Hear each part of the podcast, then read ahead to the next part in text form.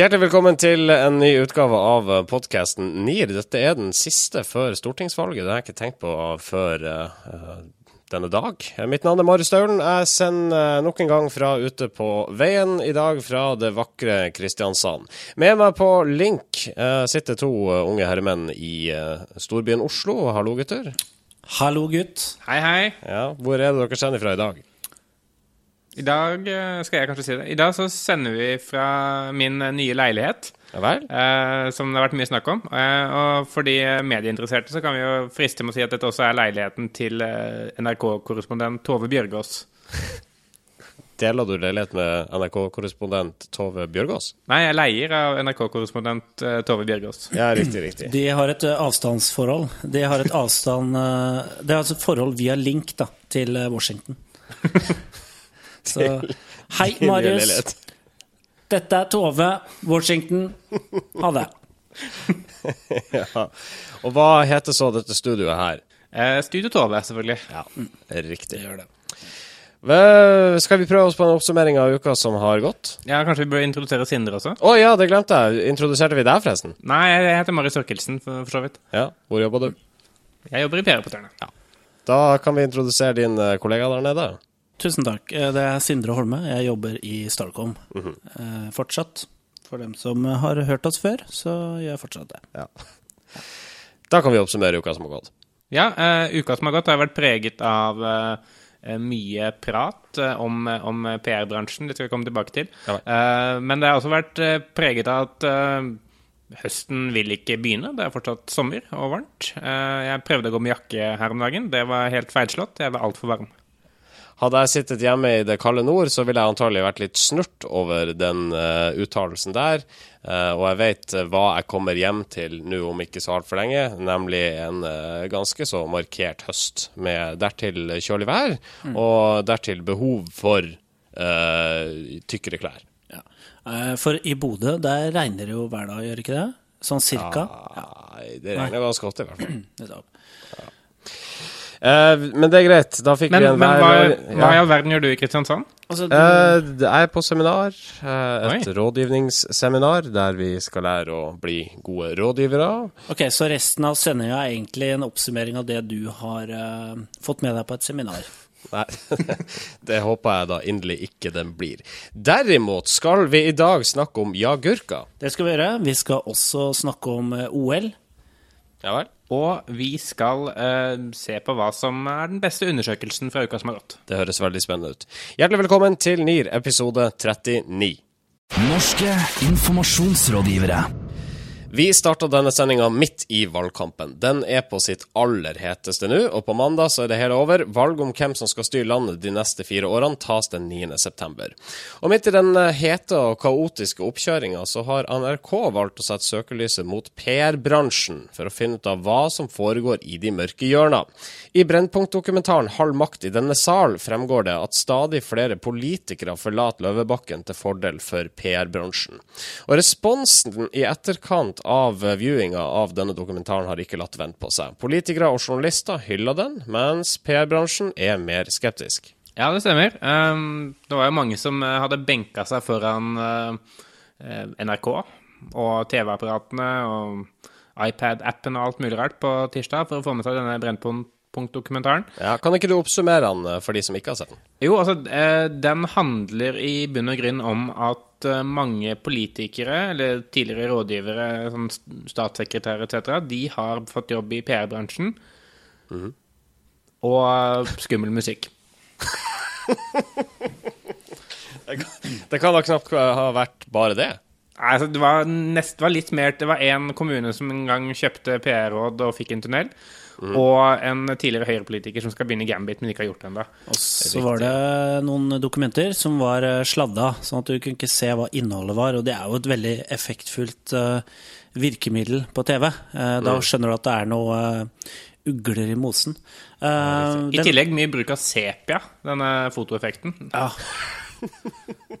Ja, det er sånn derre uh, hemmelig møte på uh, på restaurant, kornete bilder. Litt sånn derre Når Treholt møtte en eller annen sånn derre russisk spion i Moskva i 1981. Det er liksom den estetikken ja, eh, som gjør at du, du, umiddelbart får følelsen at her er det Dette er ikke bra. Nei. Hele poenget med dokumentaren er jo det at uh, stortingspolitikere har fått mindre makt enn det de har hatt før. Og, og denne makta har på en måte PR-rådgivere, uh, der først og fremst representert av First House, Sync og Gambit, overtatt dette fordi de påvirker uh, politikere på Stortinget til å måtte mene noe annet enn det de egentlig har lyst til å mene. Mm -hmm. gjennom, ifølge dokumentaren, svik, løgn og ikke bestikkelser, men tett på. Ja.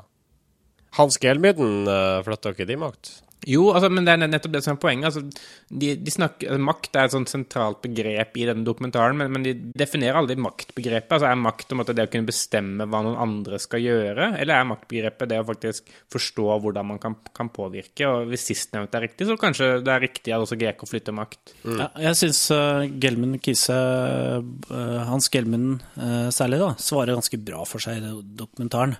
Uh, for han sier at journalister skriver ofte at uh, PR-byråer kjøper seg nettverk gjennom å ansette tidligere stortingspolitikere. Men uh, nettverk er lite verdt når, et, når en politiker en ting er når en politiker går ut av Stortinget, og en annen ting er når det partiet han representerer, ikke lenger er i regjering. Så, så det, er liksom, det er veldig forgjengelig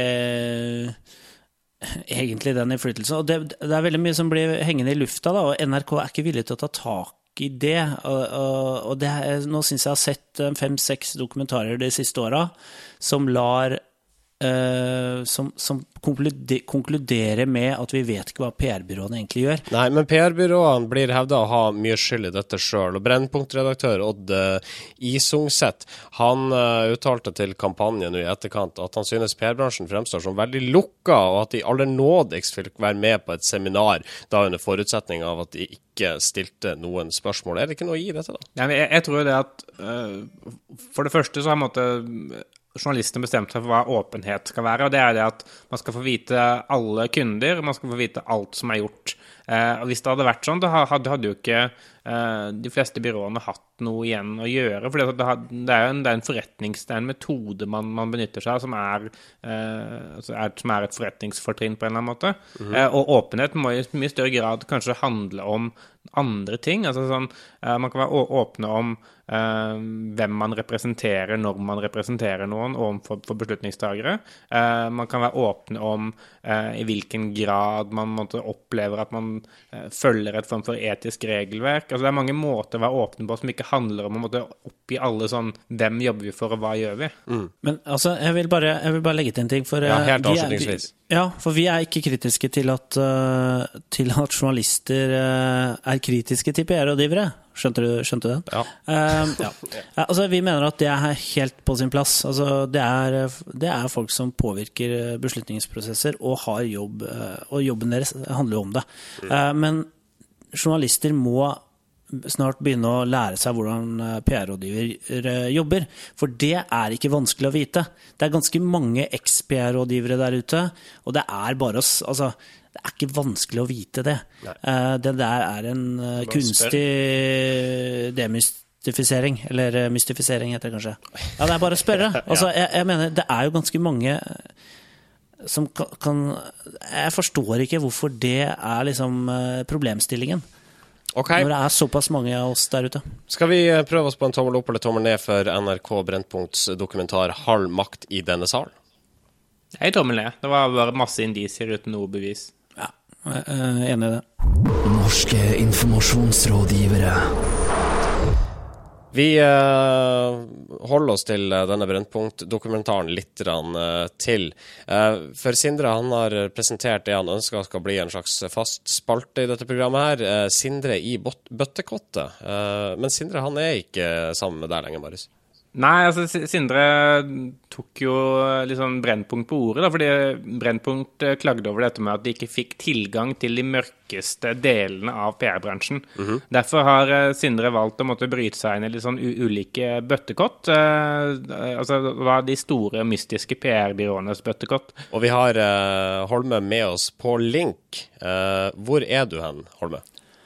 Jeg må være litt rolig. Jeg er nå befinner jeg meg i denne her, um, lille grensen, er ikke det det heter? Um, og uh, jeg har gått inn dørene. Jeg kan høre noe sånn knatring fra noen taster. Så det er folk på kontoret her. Men jeg er uh, Nå er jeg inne på bøttekottet til Gelmund Kise. hvordan, hvordan, kom du deg inn dit? Uh, jeg ringte på uh, og, og sa at det var Gro. Og da var det liksom bare å gå rett inn. Hva ser du i bøttekottet, Sindre?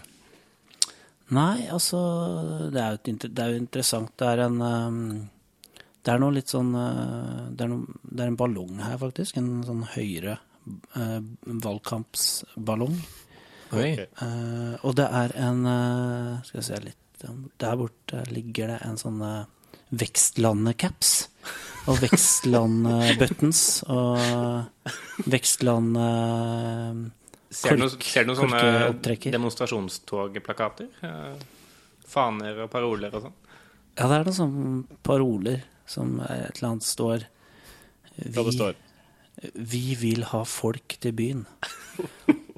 uh, og så ser jeg Og så er det skal si, Der er det sånn, så er det sånn det er sånn pusseskinn til briller. Det er inngravert med sånn gullskrift. Står det HP. Uh, litt sånn uh, snobbete. Det lukter faktisk veldig parfyme også. Den der, uh, Hvilken parfyme? Nei, jeg vet ikke. Det lukter sånn, litt sånn kjerringparfyme, egentlig. så det er, det er, Men det er Ja. Så her inne er det ganske mye forskjellig, egentlig. Ja. Jeg tror kanskje du kan ta med deg noen suvenirer tilbake til leiligheta til Marius. OK. Jeg skal prøve å gjøre det uten å bli tatt på fersken. På ja. Ja. Da sier vi takk til eh, Sindre Holme uh, live fra bøttekottet til Gelmuten Kise. Og vi setter tilbake til studio og får en jingle her. Norske informasjonsrådgivere. Sommeren er over, det må vi vel kunne si, og dermed så er også agurktida på hell. Jeg tror det er mange avislesere, og antagelig også journalister, glad for akkurat det. Eh, journalist Sandeep Singh derimot er langt mer positiv til disse agurksakene. Han mener at disse får altfor mye tyn, og at de er minst like viktige som andre nyheter. Det skriver han i en kronikk på Journalisten. Det er ikke rart at folk flest ser på Agurknytt som noe uviktig. Det er fordi folk flest er tullinger, sier Singh.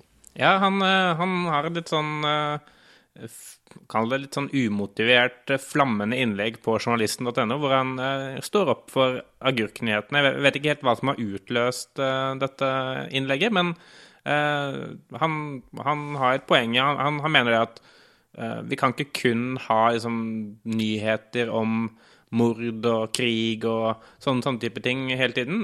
vi er nødt til å ha disse, disse artige kuriosa-nyhetene som eh, kan gi oss en form for pause. Mm -hmm. eh, så tror jeg også han har et poeng når han, han mener dette med at altså, hvis, ikke, hvis, alt hadde vært nyheter, så hadde ingenting vært nyheter. på en måte, Så man trenger liksom noen av disse ikke-nyhetene for også at nyhetene skal virke sterkere. Så det er en måte i de flestes interesse at vi har noen sånn tullete agurksaker. da. Tullete agurksaker av typen eh, priks på sjøveiene er tom for eh, popkorn er det en sak som er nødvendig i eh, mediefloraen, ifølge Sing? Ja, altså her, eh, her, smeller nærhetsprinsippet inn så det synger. Mm. Et nyhetskriterium som er mye brukt, særlig i lokalavisene. Så det er jo, det er jo Jeg syns det har et poeng. Altså, vi trenger vi trenger en liten flukt fra uh, det som er så stort og skummelt. Og det er mye elendighet da, av nyheter ellers og mye viktige nyheter. Altså, det er fint med de små ikke-nyhetene òg. Ja, han, han, sier det at agurk agurknyhetene er den beste indikatoren på hvor ekstremt godt vi har det i dette, dette landet. Mm. Eh, og bare det at vi kan skrive At Norges største avis kan skrive om den amerikanske sangerinnen som gnei seg på han han amerikanske sangeren sånn tre-fire dager på rad som toppnyhet, tilsier jo at det er ikke så mye ille som skjer i dette landet. Eh, og Eh, vi kan jo selvfølgelig si at ja, hvorfor i all verden eh, skriver de om det? Det er jo sannsynligvis fordi vi klikker på de saksakene. Eh, hvis vi ikke hadde klikket på dem, så hadde de heller ikke skrevet om det. Nei.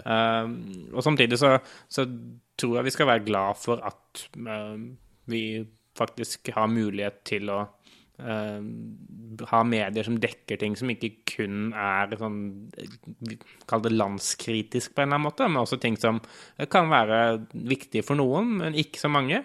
Eller bare interessant for de få. Hvor mange agurksaker klikka NIR-rådet i Oslo seg inn på i løpet av ei uke? Får vi noen estimater på det? 33,3 du kan, kan, jo argumentere for at hele NIR er en agurk. sånn altså For Norges befolkning generelt sett så er jo vi en bransje som snakker om oss selv, eh, og har lyttere deretter. Mm. Eh, så vi er jo kanskje de fremste forfekterne av Agurknytt. Ja, Så det blir metaagurk å høre på NIR? Ja, det blir et metaagurk. Så når vi tar opp sånn PR-byrå fikk ikke lov å delta i PR-byråpris. Så altså, det er ikke viktig for noen, egentlig, men vi bruker liksom ti minutter på å diskutere det likevel. Ja, det er viktig for oss. Ja. ja. Uh, skal vi prøve oss på en uh, tommel opp eller tommel ned for uh, agurknyhetene? Tommel opp. Ja, tommel opp både for agurknyhetene og for Sandeep. Jeg tror han kanskje ikke får så veldig mange flere venner av dette, men jeg tror det er viktig å tale agurkenes sak. Nyr. Oslo bør søke om OL i 2022, skal vi tro rådgiver i Gelmyden Kise, Martin Stenstad. Og slikt kan man ikke hevde uten konsekvenser. Bloggposten hans om eh, OL og hans positive tanker om arrangementet, publisert på GKs egen blogg, har vakt harme i kommentarfeltet. Men er godeste Stenstad seriøs? I vårt studio i Oslo mistenkes det ironi. Hvis du ser på bildet av Stenstad, jeg tok et sånn uh, Google-søk, så ser han ut som en sånn uh, litt ung, ung, Dag Frøland. Dag Frøland var jo sånn revy, revykonge på 80-tallet, ja. så jeg tror han er en uh, stor spilloppmaker. Altså gjøgler, rett og slett. Ja, ja. Hva er det som gjør at det vekkes mistanke til at dette her er skrevet på spøk, og at han ikke er i fullt alvor når han hevder at OL bør arrangeres i Oslo? Er kanskje først og fremst argumentene hans. Han, han mener det at uh, han vil jo gjerne ha OL, for han, han, liker både sport og han synes Oslo er fint. Uh, og han mener også at folkefest er bra.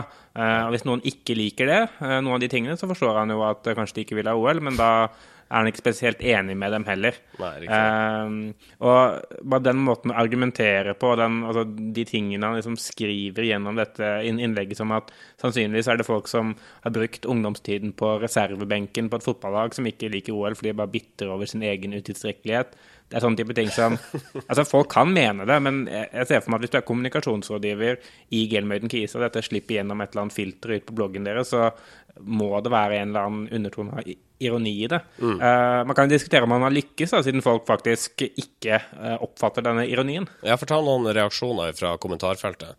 Uh, ja, for eksempel Rabiatix. Han skriver jeg tror du bør konsultere en kommunikasjonsrådgiver før du blogger igjen. Og så Didrik Søderlind sier 'kom igjen', om du anstrenger deg litt til, klarer du sikkert å senke argumentasjonen din til et enda lavere nivå. Ja, og Kritikken må nesten være, dersom dette her er seriøst, er at det er vanskelig å argumentere mot sport og mot fest. De aller fleste er positive til begge deler. Ja, nettopp. Og jeg tror jo, altså det er det som er hele poenget hans tror jeg, med dette blogginnlegget, er at ja-siden, de som er for OL, de har måttet brukt disse argumentene for alt det er verdt. Sånn at Hvis du ikke er for OL, så er det fordi du ikke liker sport, eller da er du teit fordi du ikke liker folkefest. Mm. Um, og det er jo veldig unyanserte argumenter, for det er jo helt klart en form for alternativkostnad der. Altså man kan bruke pengene på OL, og man kan bruke det på ekstremt mye annet bra. Uh, og han skriver jo til og med det i sitt, sitt innlegg at uh, um, vi har jo de pengene uansett. Vi kan jo like godt bruke dem på OL.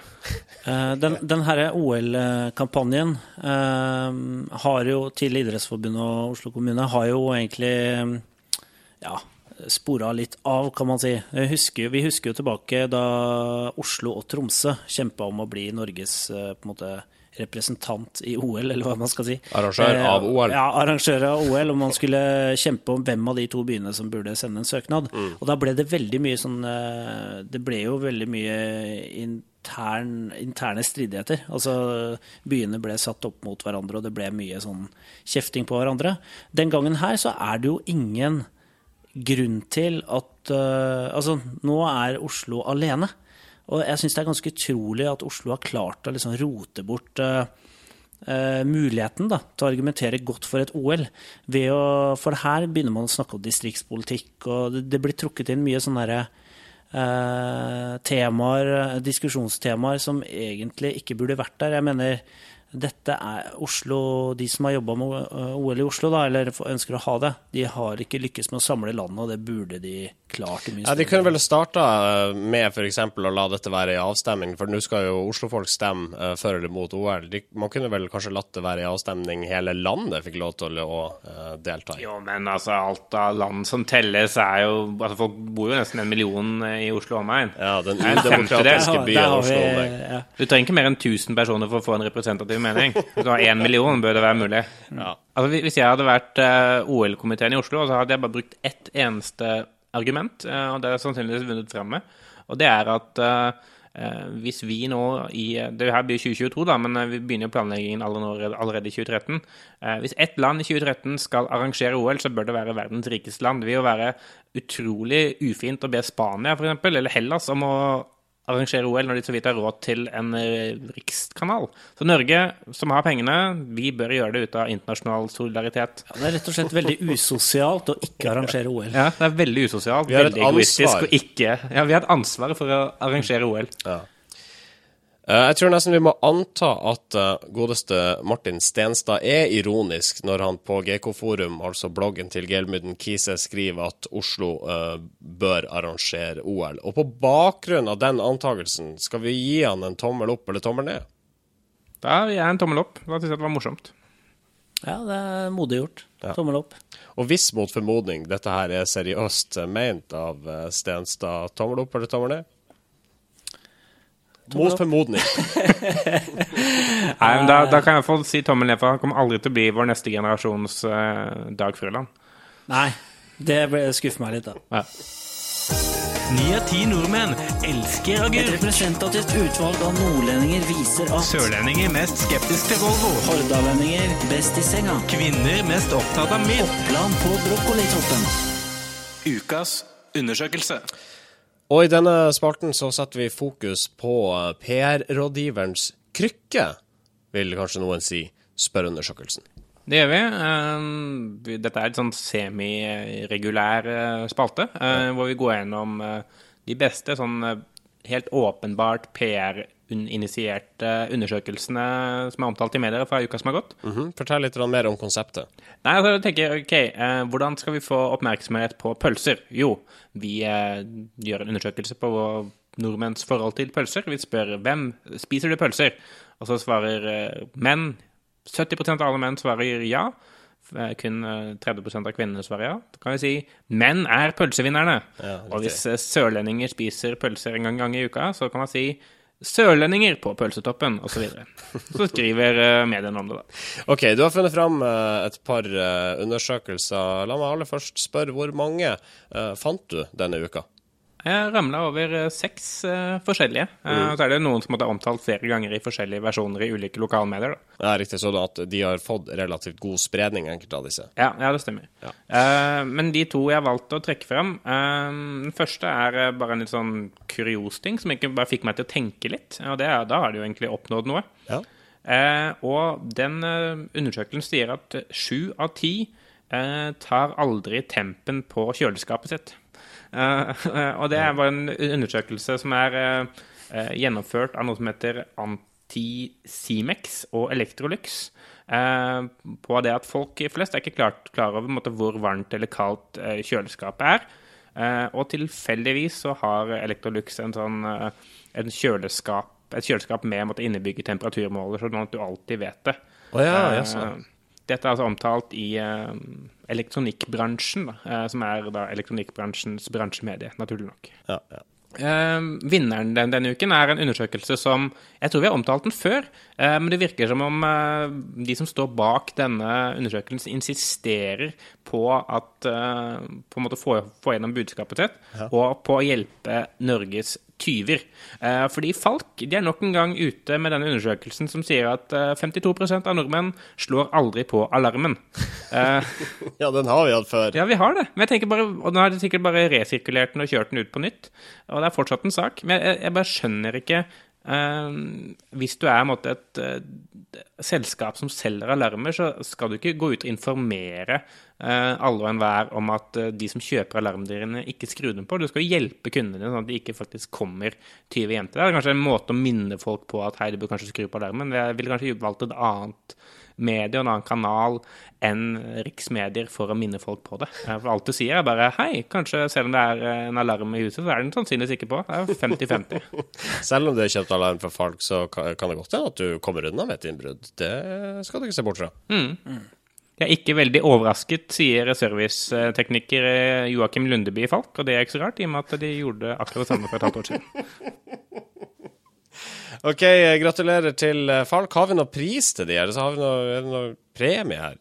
Jeg har lyst til å måte, få laget sånn den gylne undersøkelse, enten en statuett eller om man får en T-skjorte eller noe sånt, men ja. vi har ikke kommet så langt ennå. Uh, men det kommer. Men det, kom, det kommer. Mm, det kommer. Ja. Grattis da til Falk.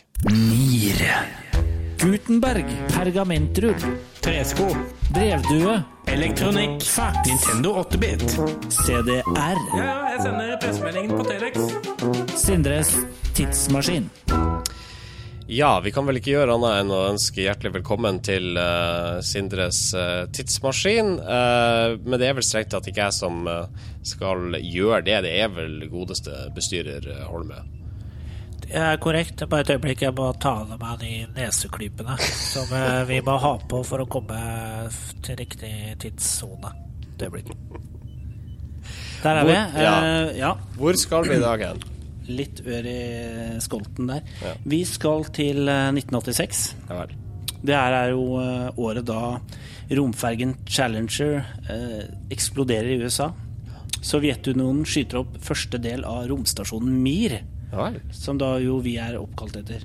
Og Sveriges statsminister Olof Palme han eh, blir myrda på gata i Stockholm. Ja. Så det er et veldig dramatisk uh, år.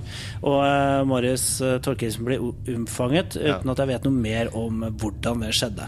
Nei, for det er sikkert veldig interessant, men uh, vi bryr oss ikke så veldig mye om det i en PR-podkast. Nei, vi holder oss, vi holder oss til Oslo. Vi ja. skal inn til Televerket. Og her sitter det en veldig frustrert uh, Eh, eh, telegramavdelingsdirektør. Hva var det? For uh, dette er da uh, året her nå hvor telegrambud er blitt en saga blått, og faks uh, tar over for fullt som kommunikasjonsmiddel i Norge. Riktig. Hvilke konsekvenser hadde det for landets telegrambud? Ja, altså eksempel så er iltjenesten med bud og drosje nedlagt, slik at Televerket eh, Eh, da kan bruke sine ressurser på fax faks eh, og telefon. Altså 1986? Ja, det er 1986, faktisk. Og det er Det de argumenterer med, er at telefontettheten har blitt så stor at nå trenger vi ikke telegram lenger. Så de hadde altså bud? Ja, med, med drosje. Ja vel. Uh, og det gjør jo at uh, faksmarkedsføring uh, begynner å få grep om Norge. så nå kan du kjøpe skokrem,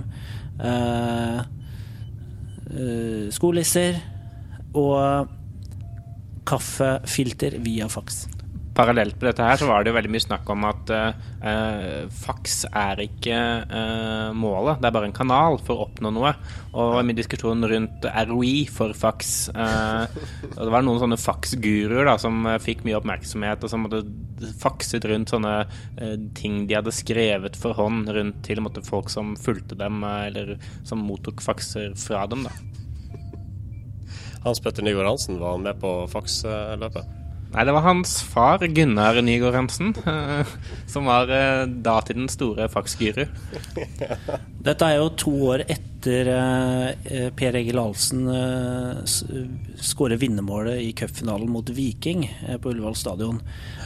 og for, for, de som bor litt sånn i utkanten av Norge, så var det jo sånn i 1984 at de fikk jo ikke vite resultatet på cupfinalen før to år etter. Så så seint gikk det med, med telegram, da. Men noe med faks så bare tikker det inn uh, ene nyheten etter den andre. Ja. Uh, så um, det er uh, faktisk et veldig spennende år. Det er liksom Jeg føler de nye mediene kommer for fullt da, ja. i 1986.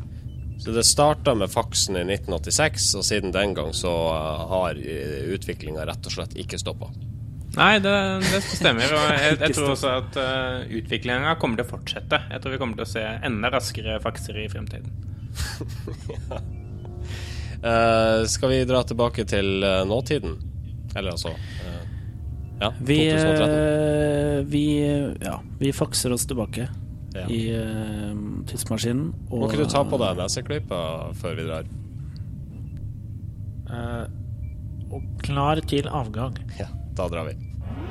Norske informasjonsrådgivere. Ukas kudos. Kudosen denne uka går til uh, uh, bil-, motor- og lastebilprodusenten. Uh, sikkert flere ting også. Volvo. Hvorfor det, Marius Storkelsen? nei, den går til Volvo fordi noen ganger så Eh, finner du virksomheter som har litt tøffere toppsjefer enn andre. Mm. Eh, og for Volvo så gjelder dette i høyeste grad. Eh, blogger og unge sosiale medier-guru eh, Ståle Grut han, han, sendte meg denne videoen litt tidligere i uka, hvor eh, Claes Nilsson, altså president i Volvo Trucks, han har rett og slett bestemt seg for å vise hvor sterke krokene som Volvo lager er. Mm -hmm. Eh, og for å vise det, så har han valgt da å henge en lastebil med, kall det nesa først, fra en heisekran ute i eh, havna i Stockholm, og stilt seg da på frontruta av denne lastebilen, hengende under en kran. Velvillig risikert livet for dette stuntet. Ja, han mener jo selv at disse krokene er så bra at han risikerer ikke livet, men, men det virker jo ikke trygt. Nei. Nei, det virker som livet står på spill. Det, det, som er litt artig her, er jo at det her er jo B2B-kommunikasjon i sosiale medier, kan mm. man si. Og det er jo ikke Det er kanskje liksom den kjedeligste hva skal jeg si, eh, markedet for kommunikasjon. Eh, og så gjør man en så kul kul, spennende ting som det der. Mm. Så det er artig, artig syns vi. Altså, den ble publisert på YouTube 1.9. Når vi spiller inn det der, så er det 4.9. Og den har fått 1,1 millioner views Oi. på disse fire dagene. Det er helt ekstremt for en lastebilkrok. mm. ja, den går en viral video, rett og slett. jeg tror ingen lastebilkroker har fått så mye views på YouTube før, uten at jeg skal stille meg 100 bak det. Jeg, jeg syns det er litt jeg synes det er litt kult å se at, uh, at liksom de, de, mest spennende svenske merkevarene, de er utrolig gode til uh, å lage spennende kommunikasjon. Forsmann og Bodenfors, som står bak den kampanjen her, de jobber jo også med Ikea. Og det er også veldig sånn banebrytende, gjør veldig mye nytt og spennende. Mm.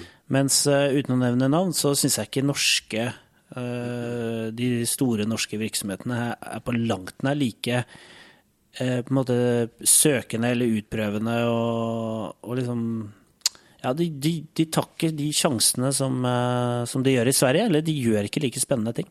Og det syns jeg er litt synd. Ja. Uh, kunne du ikke nevnt noe, da?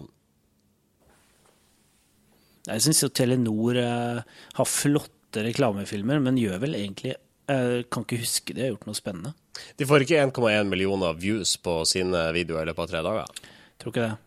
Nei, i hvert fall eh, ikke foreløpig. Det er mulig at uh, Altså, det siste jeg husker, er jo denne Microsoft-videoen med Datarock som fikk noe sånt som 400 000-500 000 views. Ja. Mm. Uh, lagd av husker hvem som lagde McCann eller noe sånt. McCann, uh, mm. Det var jo en kul video eh, som måtte vise seg å være staged i etterkant. Uh, men fortsatt, altså, det er vel det siste jeg husker som av noe norsk som har gått viralt. Jo, det var også denne sånn malefilmen til, til, Trigger. Den fikk også ganske mye Jordan maleverktøy, ja. ja. ja den, den, var, også, fantastisk. Det var en sånn frieri langt ute i havgapet. Oh, ja. uh, som også har gått verden rundt. Men eh, Ga ikke vi den ukas kudos? Det tror jeg kanskje. Jeg tror kanskje vi gjorde det mulig. Jeg, mulig jeg snakker om det før, men det er, sånn, det er, de to eksemplene jeg kommer på, da, uh, som som uh, måtte ha, har noe for seg. Mm. Uh, det er sikkert mulig at jeg overser noe, men, men likevel. Altså, dette her er helt unikt, ekstremt morsomt og bra. Og, altså, det er veldig, veldig kult. Ja, Her er svenskene bedre enn oss, rett og slett. Det er så tett på, på, på, på produktfordelen. Det er så tett på liksom, produktet og likevel underholdende for et så kjedelig produkt. Det er, det er oppvisning i kreativitet og god kommunikasjon. Mm. OK, uh, kudosen går altså til uh, Volvo Trucks-divisjon i Volvo, og Claes Nilsson, uh, konsernsjef der, gratis. Norske informasjonsrådgivere. Denne sendinga går mot slutten, og det jeg vet at i hvert fall noen lyttere kanskje spør seg, er hvor skal eh, NIR-rådet, Oslo-avdelinga, Oslo sende fra neste uke? Det er opp til deg, kjære lytter, så kom gjerne med tips eh, på vår Facebook-side, eller send oss en eh, e-post på nearcast.yahoo.com. Du kan også tvitre fremtidig lokasjon eh, til oss på Twitter. Det eneste vi trenger, er egentlig en nettforbindelse som er relativt stabil, både opp og ned. Ja.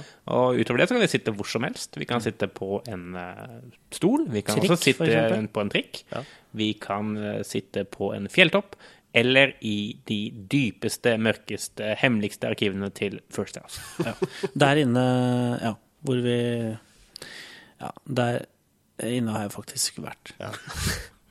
Men, det her er nesten det... sånn invitasjon uh, til folk om å invitere NIR hjem til seg, sånn à la det P3 tidligere har gjort. Eh, jeg har ikke hørt at P3 har gjort det. Så Nei, det er ikke jeg meg bekjent heller. Derfor så er vi først ja. med å gjøre det. Ja. Vi er først. Uh, inviter oss gjerne hjem. Uh, holdt på å si, inviter oss på te. Uh, så kommer vi og har NIR-sending hos ja. der. Ja, det, det, har vært et godt navn på det. Sånn T-tid uh, med NIR. gjerne, hvis, gjerne, hvis, det er noen minoriteter der ute som har lyst til å invitere oss på te, mm. så sier vi hjertelig takk. Shalom, eller hva det nå heter. OK. Uh, du nevnte uh, e-postadressen, gjorde du det?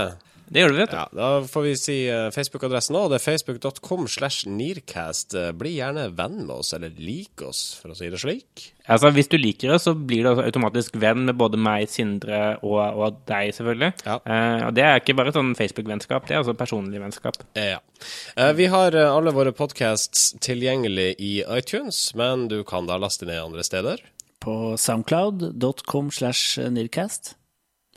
Ja. Du, ja. og du kan jo høre oss uh, via Kreativ Forum sine nettsider.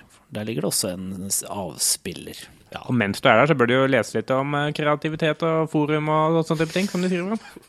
ja. Det syns jeg alle bør uh, gjøre. Kreativforum.no. Og da setter vi strek herifra og derifra. herifra sender Marius Staulen. Og derifra er det Marius Størkelsen. Og herfra er det Sindre Holme. Ha en uh, fantastisk dag. Norske informasjonsrådgivere.